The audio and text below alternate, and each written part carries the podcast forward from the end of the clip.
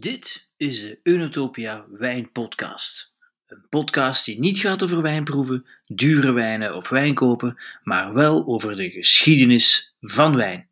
Een podcast voor iedereen die wijn lekker vindt en iets meer wil weten over hoe het allemaal zover gekomen is met die wijnstreek, dat type wijn, die specifieke druif of die bijzondere wijnmaker. Welkom bij de Unotopia Wijnpodcast.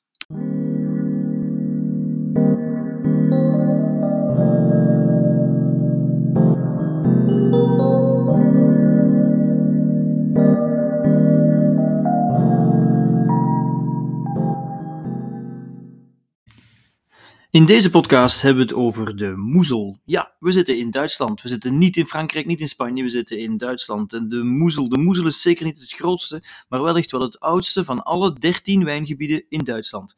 Het begint aan de Duits-Luxemburgse grens in het zuiden en eindigt noordwaarts, zowat 240 kilometer verder, aan de monding vlakbij Koblenz. Miljoenen jaren eerder vormden de rivieren de Moezel, de Saar en de Ruhr diepe dalen in het landschap. Vandaag zijn het de steile oevers die mooie wijnen voortbrengen. De geschiedenis van de moezelwijnen is rijk, ja heel rijk, en de toekomst is mooi.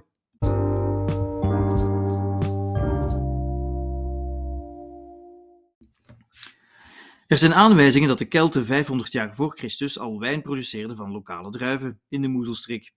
Zoals vaak zijn het de Romeinen die in deze contraille actief werk maakten van wijnbouw. Daarvan zijn sporen gevonden uit 50 voor Christus een graftombe van een wijnhandelaar uit de 2e eeuw en een wijnkelder in Trier uit 330 na Christus, naast uitgegraven wijnopslagplaatsen in Brauneberg en Erden, wijzen op een bloeiende, langdurige Romeinse wijncultuur. In 1878 bijvoorbeeld vonden archeologen in Neumagen aan de Moezel de resten van een Romeins fort. Daarin vonden ze vier beeldhouwwerken van schepen met wijnvaten. Die vaten waren een Keltische uitvinding overgenomen door de Romeinen en werden in die tijd vaak gebruikt naast de Romeinse amforen. In het jaar 17 voor Christus was er een stad eh, aldaar die de naam had Augusta Treverorum. Die stad die, uh, kennen we vandaag onder de naam Trier. Ze was bedoeld als hoofdstad van de Romeinse provincie Belgica Prima. En einde derde eeuw na Christus heette de stad Treveris en werd ze door eh, keizer Diocletianus benoemd tot Romeinse keizerlijke residentie. Hierdoor kreeg ze de bijnaam Roma Secunda. Dus wijn was in die tijd echt wel belangrijk. Naast geboortestad van Karl Marx en toeristische trekpleister is Trier trouwens ook vandaag nog het centrum van de lokale wijnhandel. Na de val van het Romeinse Rijk werd Trier in de vijfde eeuw door de Franken veroverd. En ook uit die periode zijn er nog sporen van een bloeiende wijnbouw.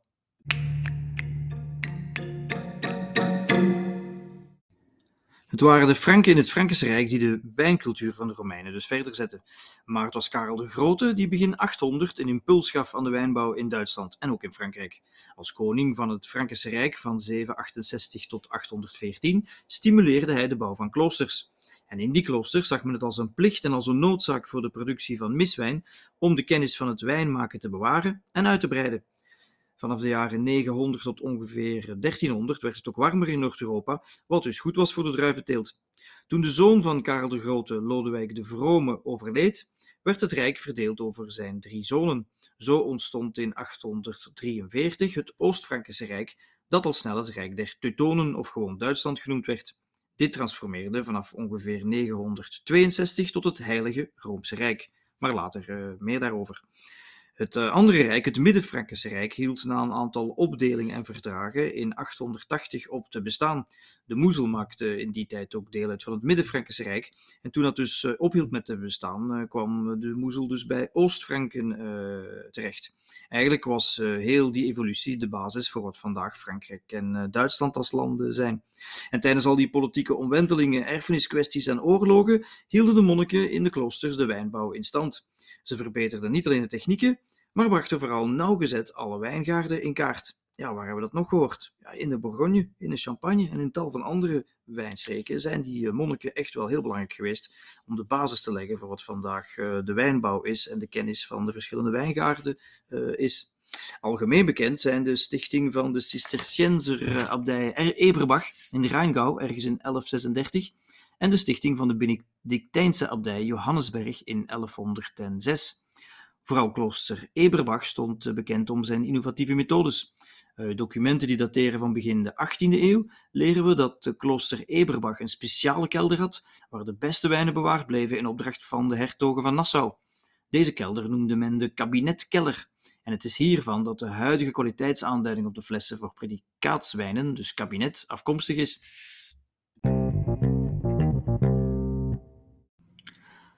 We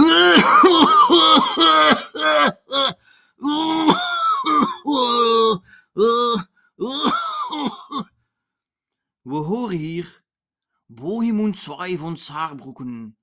Bohemund tweede van Saarbrücken. We zijn in 1360. En Bohemund tweede van Saarbrücken eh, was ernstig ziek. Bohemund is aartsbisschop en keurvorst van Trier. Best een belangrijk persoon, want de keurvorsten die bepalen mee wie de keizer eh, wordt in het Heilig Roomse Rijk. En hij bepaalde onder andere mee dat Karel IV kleinzoon van Hendrik VII, dus uh, keizer was. Maar uh, Bohemund II is, uh, is ernstig ziek, is vreselijk ziek en hij moest het bed houden in zijn zomerkasteel Landshut in Bernkastel aan de, aan de Moezel, vlakbij de Moezel. En we hadden van alles al geprobeerd, maar ja, niets hielp eigenlijk. En een lokale wijnboer die kwam plots op het idee om hem een vat te brengen, een vat wijn te brengen, van dus de lokale wijngaard vlakbij Bernkastel. En dat hele vat werd die kamer binnengerold. En Bohemund zei, ja, baat het niet, dan uh, schaadt het niet. In ieder geval, uh, die beslist om dus van die wijn te drinken. Die vond hij dus zo lekker. En die heeft dus een week lang uh, elke dag die heerlijke wijn gedronken. En natuurlijk, hij genas vrijwel meteen. Dus na een week was Bohemund terug kip lekker. En hij was zo blij met die genezing dat hij de wijngaard waaruit dus die wijn kwam omdoopte tot Bernkasteler dokter. En vandaag is dat nog altijd uh, de naam van de wijnkaart, uh, Bernkastler Dokter. En dus vandaag is dat ook een van de beroemde wijngaarden in de, in de, in de Middenmoezel. Dus uh, dat is wel een, een, leuk verhaal. Of het echt waar gebeurd is, daar zijn we niet helemaal zeker van. maar het is toch wel een verhaal dat nu nog steeds, nu nog steeds de ronde doet. En, en wat voor wijn het was, weten we ook niet. Het zou Riesling kunnen zijn. Want ook voor de ontwikkeling van Riesling als wijndruif in die streek speelden kloosters een een belangrijke rol. Ja, als we het over de moezel hebben, moeten we het toch ook over de Riesling eh, hebben. En in 1435 maakte klooster Eberbach al melding van deze druif in de wijngaard. En de abdij eh, Saint-Maximim in Trier had in 1695 uh, eh, eveneens heel veel Riesling uh, wijngaarden. En tot in de 16e eeuw sprak men van Vinum Francicum, die veel beter zou zijn geweest dan de meer waterige Vinum Hunicum. En naar het schijnt was het uh, wijnverbruik uh, per persoon aan de Moezel toen enorm. 120 liter per jaar ongeveer. Ja, dat uh, is misschien wel daarom dat die uh, Bohemund II zo snel kon genezen. 120 liter per jaar. Als je me nou. En aan de aanduiding speet lezen op de flessen vandaag de dag nog eens overigens ook een mooie legende verbonden.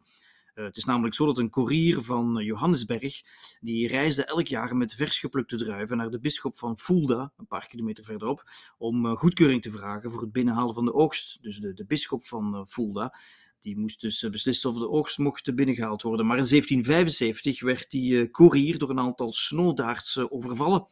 En die druiven kwamen dus niet, uh, niet aan en die bisschop zat maar te wachten, maar vooral die wijnboeren zaten te wachten om dus die druiven dus te, te, te oogsten. Maar die koerier moest dus eerst uh, terug druiven gaan halen en uh, ja, dat duurde allemaal heel eh, lang. En toen, toen die koerier en zijn druiven terug terecht kwamen en de bisschop uiteindelijk zijn goedkeuring had gegeven, was het eigenlijk al veel te laat en haasten de monniken zich om de oogst binnen te halen. Maar een jaar later bleek het de wijn van die zeer late oogst goddelijk lekker was. En dus vandaar de naam Speetlezen. We zijn in 1618 en al die tijd Sinds Karel de Grote in 800 zijn het de katholieken, de geestelijken, de monniken, de kloosters, de bisschoppen, de keurvorsten die gewerkt hebben aan de wijnbouw en die hun steentje, meer dan een steentje zelfs, hebben bijgedragen aan wat de wijnbouw in de Moezel eh, vandaag eh, is. Maar in 1618 verandert dat uh, toch langzaamaan en is het eigenlijk een slechte periode voor de wijnbouw. In 1618 breekt er namelijk een gigantische, bijna wereldoorlog uit. Je kan het eigenlijk wel wereldoorlog noemen terwijl in de geschiedenisboeken wordt gesproken over de Dertigjarige Oorlog. Maar het is een oorlog waar heel veel landen bij uh, betrokken zijn. En het begon bij keizer uh, Ferdinand II in Duitsland. Die uh, had last van de Hussieten, dat waren de volgelingen van Jan Hus, protestantse geestelijke, die dus het protestantisme aan het beleiden was. En die Hussieten die vonden het niet beter dan twee vertegenwoordigers van Ferdinand II uit het raam te gooien van een kasteel. en het raam bevond zich op de vijfde verdieping, dus die twee vertegenwoordigers waren even plat dan een eh, geplette druif bij het uh, wijn maken. En Ferdinand II die kon er dus echt niet, uh, niet mee lachen. En die verzamelde meteen een leger en die trok te strijden tegen die protestantse Hussieten. En tegelijkertijd ging de vorst van Transylvanië ook nog eens even Slowakije binnenvallen, waardoor het daar ook oorlog was. Maar het spel zat helemaal op de wagen toen de keurvorst van Pals, dat is een gebied aan de Rijn, zich liet kronen tot koning van Bohemen. En dat was ook een protestants gebied. En Spanje dacht toen van, ja, hola, of eerder ola, dat kan zo niet verder. wij moeten Ferdinand II gaan helpen. Dus Spanje die kwam ook met een leger naar Duitsland en die ging dus hulp bieden aan Ferdinand II tegen de protestanten. En die strijd die duurde jaren en die was best heel erg woelig. En enkele jaren later besliste de Habsburgse Nederlanden om zich ook te mengen in de strijd. Want Albrecht van Oostenrijk ja, die vond dat hij toch wat meer invloed moest hebben op het Europese toneel. Dus die gaf openlijk steun aan de protestanten. Maar uh, Spanje dacht uh, opnieuw, uh, Ola, dat gaan we niet toelaten, no passaran. En die opende de aanval meteen ook op de Habsburgse Nederlanden. Die stuurde een vloot naar de Vlaamse en de Nederlandse kust, maar die vloot was te klein. Dus die vloot, ja, die, werd, die was niet succesvol. de helft van die vloot was al, was al gezonken, dus dat werd niks. Maar ze hadden ondertussen ook de Valtellina-pas, dus in het noorden van Italië veroverd. En vanuit dat Valtellina-gebied vielen ze dus meteen eh, Oostenrijk binnen. En ook uh, over land, eh, dus doorheen wat nu Frankrijk is, stormden ze naar boven. En gingen ze dus ook de Zuid-Nederlanden aanvallen. Dat leverde trouwens een gigantische grote strijd op in wat nu Charleroi in, in België is. En nog een paar jaar later besloten Denemarken en Zweden ook de protestanten te helpen. En dat was trouwens met steun een paar jaar later van Frankrijk. Want kardinaal de Richelieu ging met het zicht op de republiek uh, ook wel uh, openlijk het protestantisme toch ondersteunen. En meer nog, een paar jaar later ging Frankrijk ook de Zuid-Nederlanden aanvallen samen met, met Spanje. Dus heel veel landen waren onderling strijd aan het, aan het voeren, eigenlijk tussen katholieken en, en protestanten. Dat was trouwens ook de oorlog van de hele mooie, kleurrijke kostuums. Elk land had een heel speciaal uh, legerkostuum.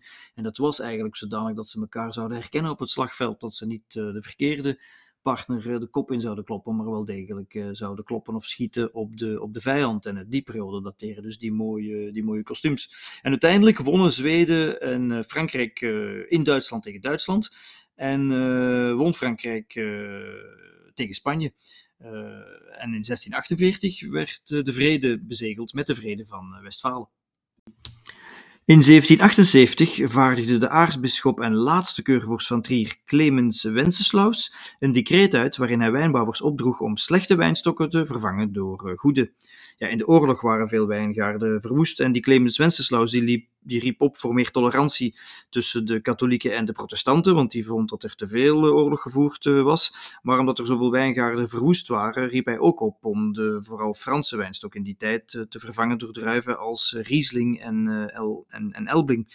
En dus het is eigenlijk vooral aan Clemens Wenceslaus te danken dat er vandaag in de Moezel zoveel Riesling-stokken staan.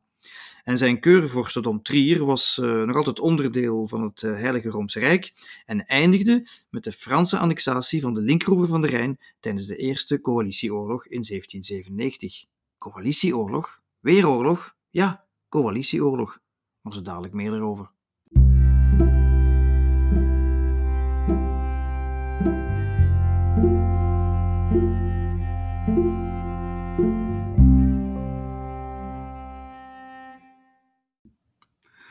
Onze laatste keurvorst van Trier, Clemens Wenceslaus, was eh, bij de Franse bezetting gevlucht naar zijn zomerresidentie in Augsburg. Uh, trouwens, uh, Clemens Wenceslaus zou de uitvinder zijn van een uh, drankje, namelijk Caltes Ende. Een Caltes Ende zou in die tijd een mousserende wijn moeten zijn, gekruid met, met citroen. En het leuke eraan is dat in 1937 een Amerikaan dat drankje opnieuw wilde lanceren. Hij had dat recept teruggevonden, maar hij dacht dat de naam van de drank was Calte Ente, dus koude eend in plaats van Caltes ende, koud einde. En uh, koude eend in het Engels is dus cold duck. Dus die Amerikaan die lanceerde drankje onder de naam cold duck. En dat is gestopt in de jaren, in de jaren 50. Uh, maar dus Clemens Wenceslaus, uh, ja, die zat dus uh, in zijn, in zijn zomerresidentie, omdat de Fransen dus Duitsland waren binnengevallen, dus tijdens de Eerste Coalitieoorlog in 1797. Ja, en ik zei het alweer oorlog, we hebben pas de 30-jarige oorlog gekend en nu weer een coalitieoorlog. Wel ja, dat zit zo. In, de, Frankrijk was Napoleon Bonaparte aan het, aan het bewind geraakt na de Franse revolutie in 1789. Ja, ja, had hij dus de republiek uh, gevestigd. Maar er waren dus verschillende monarchieën uit de buurlanden die wilden de gevestigde orde van vroeger namelijk herstellen. En dus Duitsland ging samen met Groot-Brittannië, met Spanje, met Oostenrijk en met Nederland gingen ze de Fransen aanvallen en gingen ze dus ten oorlog trekken tegen Frankrijk. In een, een aantal oorlogen werden die de gevechten dus uit, uit, uitgevochten. En dus ondanks die Franse bezetting hielden de wijnmakers aan de moezel vast aan het decreet van Clemens En verbouwden dus verder de nieuwe Duitse druiven, Elbling, maar vooral uh, Riesling. Vooral Riesling was, uh, was populair. En Napoleon Bonaparte, die zich in 1804 tot keizer kroonde en het Franse keizerrijk oprichtte, zorgde met zijn Code Civil voor grote veranderingen in het eigendomsrecht van de wijngaarden. Eigendommen van de kerk en de hieraan verbonden adel werden genationaliseerd. Monniken vertrokken uit de kloosters en wijngronden gingen naar, uh, naar burgers. Uit 1841 vinden we trouwens nog registraties van rode wijn in Welen en enkele andere plaatsen, maar de opmars van vooral Riesling is dan volop ingezet en nooit meer gestopt. In 1871 verliezen de Fransen echter een desastreuze oorlog tegen de Pruisen. Ze werden echt vakkundig in de pan gehakt en het Franse keizerrijk viel. Napoleon III ondertussen al uh, werd afgezet en met de vrede van Frankfurt op 10 mei 1871 werden de gevechten beëindigd en een nieuw Duits Rijk opgericht. Wijnmakers aan de Moezel krijgen in dit nieuwe Duitse Rijk onder keizer Wilhelm I en zijn kanselier Otto van Bismarck steeds meer ambitie, zeker toen ze in 1881 de druifluis hadden overwonnen.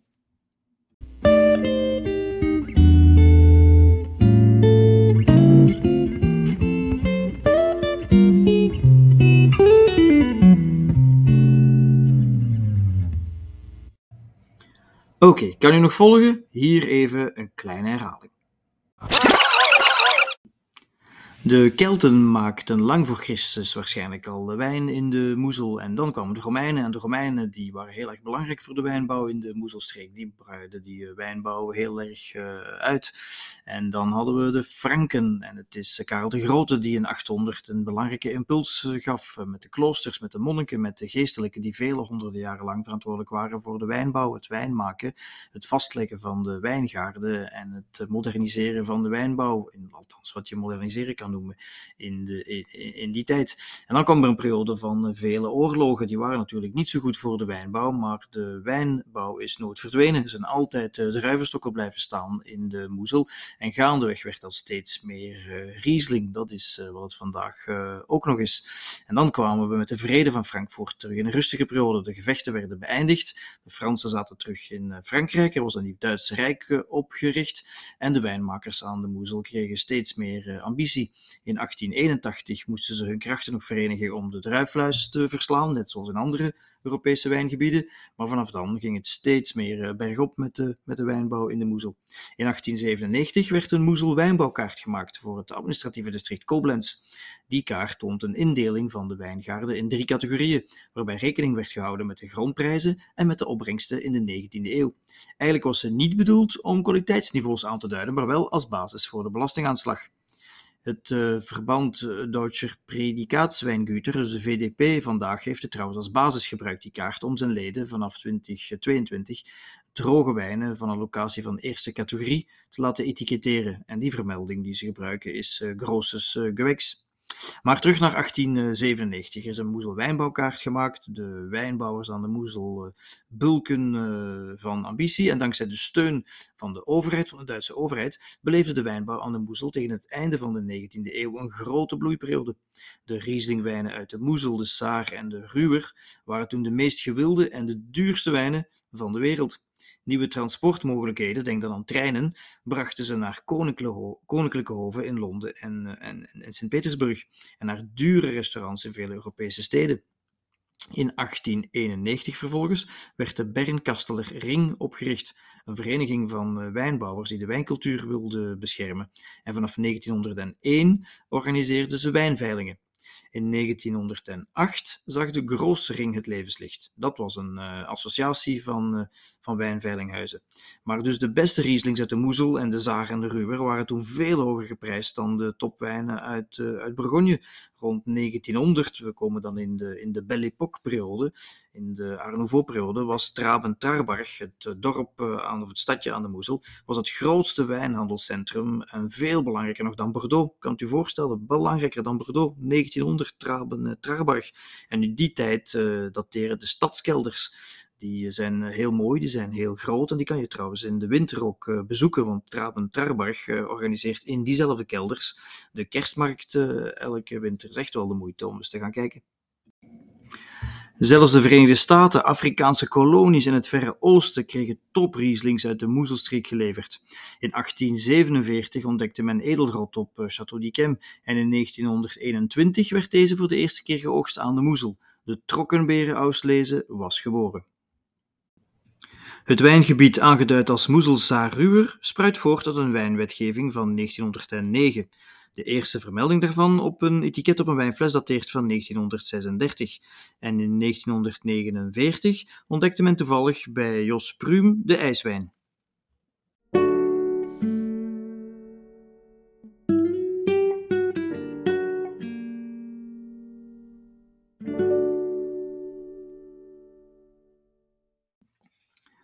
Na de Tweede Wereldoorlog zorgde de grote vraag naar fruitige witte wijnen met een duidelijke minerale of kruidige toets van de leisteen in de bodem tot een grote uitbreiding van het wijnareaal in de Moezel. De bijna verdubbeling van de wijngaarden, en dat vaak ook op de vlakke delen in het dal, ging soms ten koste van de kwaliteit. Wijnen uit andere landen maakten toen ook een opmars en de vraag naar de bekende, vaak zoete witte wijnen uit de Moezel nam af. De Duitse wijnwetgeving van 1971 installeerde een kwaliteitssysteem op basis van het suikergehalte tijdens de oogst. Dat staat los van de restsuiker in de wijn. Een speetlezen kon dus zowel droog als zoet zijn. Maar uh, gedurende vele jaren was dat niet altijd duidelijk op het etiket en dat vond de consument dus best uh, moeilijk. En moderne technieken hebben vervolgens geleid tot lagere prijzen, nog lagere prijzen. En plots stonden moezelwijnen gelijk met goedkope, vlot drinkbare en vaak mierzoete, makkelijke wijntjes. En de afzet uh, daalde snel en wijnbedrijven kregen het heel erg moeilijk. Vanaf 1995 ongeveer begon men in te zien dat het goedkope imago niet echt bijdroeg aan de omzet. Er werd dus beslist om de opbrengsten te verlagen, echte rijpe druiven te oogsten, voorkeur te geven aan handmatig oogsten en de werkzaamheden in de kelder te verbeteren. Na 2006 werd als herkomstgebied de moezel op de etiketten gezet. De belangrijkste druif is vandaag nog steeds de Riesling. De andere witte druif van belang is de Rivaner of de Müller-Thurgau. En recent zien we wijnboeren experimenteren met Pinot Blanc, Weissburgunder uh, genoemd, Auxerrois ook en Chardonnay. Tussen 1930 en 1986 was het verboden om blauwe druiven aan te planten. De focus lag toen op de bekende witte wijnen. Nu beslaan de zeer populaire Pinot Noir, speetbegroener dus, en de Dornfelder al meer dan 10% van de wijngaarden in de Moezel. En jonge wijnboeren verbeteren de technieken van hun voorouders en gebruiken vaak de natuurlijke gisten. En er wordt steeds meer duidelijkheid gecreëerd tussen droge en uh, zoete wijnen, eindelijk. En de Feinherb is een wijn met een heel beperkt aantal restsuikers, die daardoor vol van smaak is, maar niet echt uh, zoet smaakt. Die wordt zelfs vaak als ideale gastronomische wijn naar voren gebracht.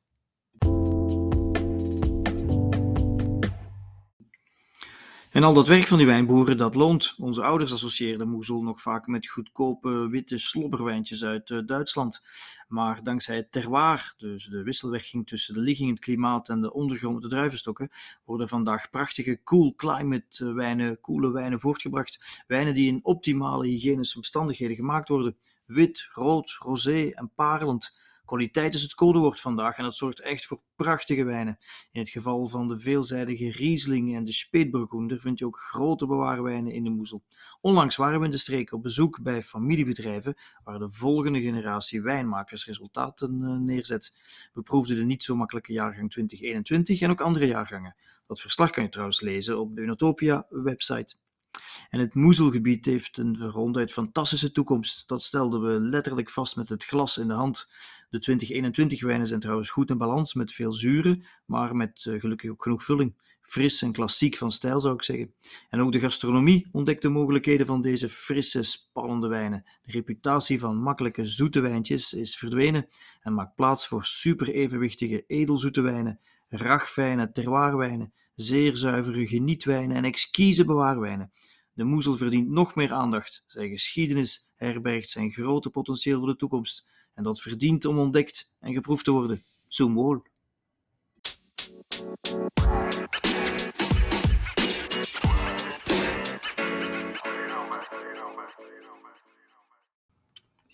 Meer weten over wijn en over Unotopia? Kijk dan op de website www.onotopia.be. En anders, tot de volgende keer op de Unotopia podcast.